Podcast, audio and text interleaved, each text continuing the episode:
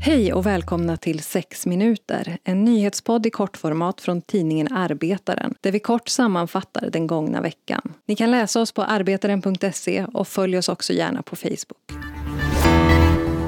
I slutet av förra veckan omkom en lastbilschaufför i 40-årsåldern sedan hans bil vält i samband med lossning av grus i småländska Eksjö.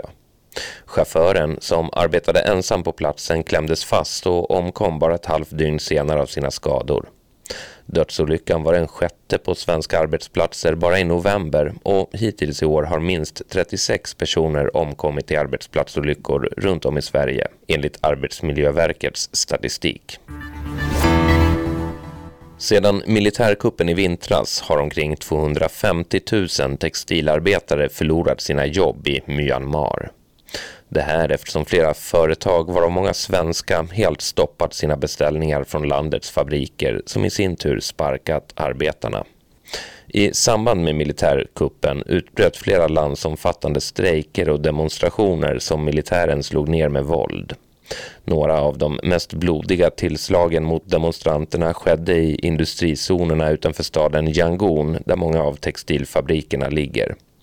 Det här fick flera stora klädföretag som bland annat svenska H&M, Kappahl och Lindex att pausa alla nya beställningar från landet vilket ledde till avskedanden och massuppsägningar. Arbetaren har varit på plats och pratat med många av de textilarbetare som drabbats och på vår hemsida kan du nu läsa om hur flera av dem blivit skuldsatta när de sagts upp från sina jobb. Läs Axel Kronholms gripande reportage på arbetaren.se. I onsdags framförde Svenska kyrkan sin officiella ursäkt till det samiska folket efter århundraden av övergrepp och förtryck. Ursäkten ska enligt ärkebiskop Antje Jackelén ses som ett erkännande av det egna moraliska ansvaret för vad kyrkan varit med och bidragit till. Men enligt flera samer så krävs det mer än bara ord för att gottgöra det som skett. Matti Blindberg är förbundsordförande i Svenska samernas riksförbund. En ursäkt är väl mer en symbolhandling. Sen måste man ju fylla en ursäkt med verklig, vad ska jag säga, det måste ske någonting också, en förändring. Vad känner du behöver ske? På, på kort sikt och väldigt så här här och nu, hands on, det är väl att man kyrkan tar tag i sitt skogsinnehav och ser till att eh, skogsbruket sker på ett för rennäringen hållbart sätt, långsiktigt hållbart sätt. Och man kanske ger upp de här avkastningskraven som skogsbruket har.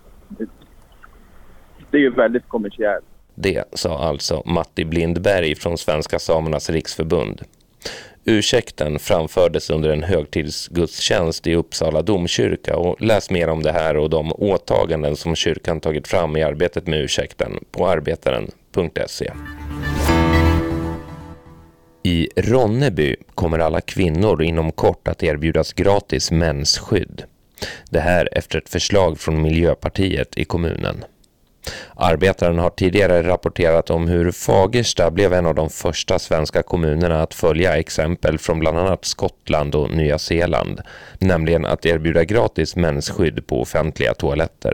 Nu har även kommunstyrelsen i Ronneby klubbat igenom ett liknande förslag. Precis som vi har papper och tvål på våra offentliga toaletter så borde det vara lika självklart att det finns mensskydd, säger den lokala miljöpartisten Lova Näcksten som ligger bakom förslaget till P4 Blekinge. Behållarna med mensskydd kommer inom kort att installeras på tio offentliga toaletter runt om i kommunen och beräknas kosta omkring 70 000 kronor. Lova Näcksten säger till P4 Blekinge att hon hoppas att mensskydd även kommer att börja erbjudas på skolor och kommunala arbetsplatser framöver. Närmare 3,6 miljarder människor lever fortfarande utan tillgång till en välfungerande toalett. Trots att satsningar på toaletter och avlopp både räddar liv och sparar pengar så gör världens länder fortfarande alldeles för lite. Det uppger FN i samband med världstoalettdagen som infaller idag, fredag. Enligt FN tvingas omkring 2 miljarder människor att dricka vatten som förorenats av avföring. Det här gör att över 700 barn varje dag avlider i magsjukdomar som orsakats av smutsigt vatten, bristande avlopp och dåliga hygieniska förhållanden. Värst är situationen för de allra fattigaste. FN menar nu att världens länder måste fyrdubbla sina insatser för att se till att alla har tillgång till ordentliga toaletter och avlopp innan år 2030.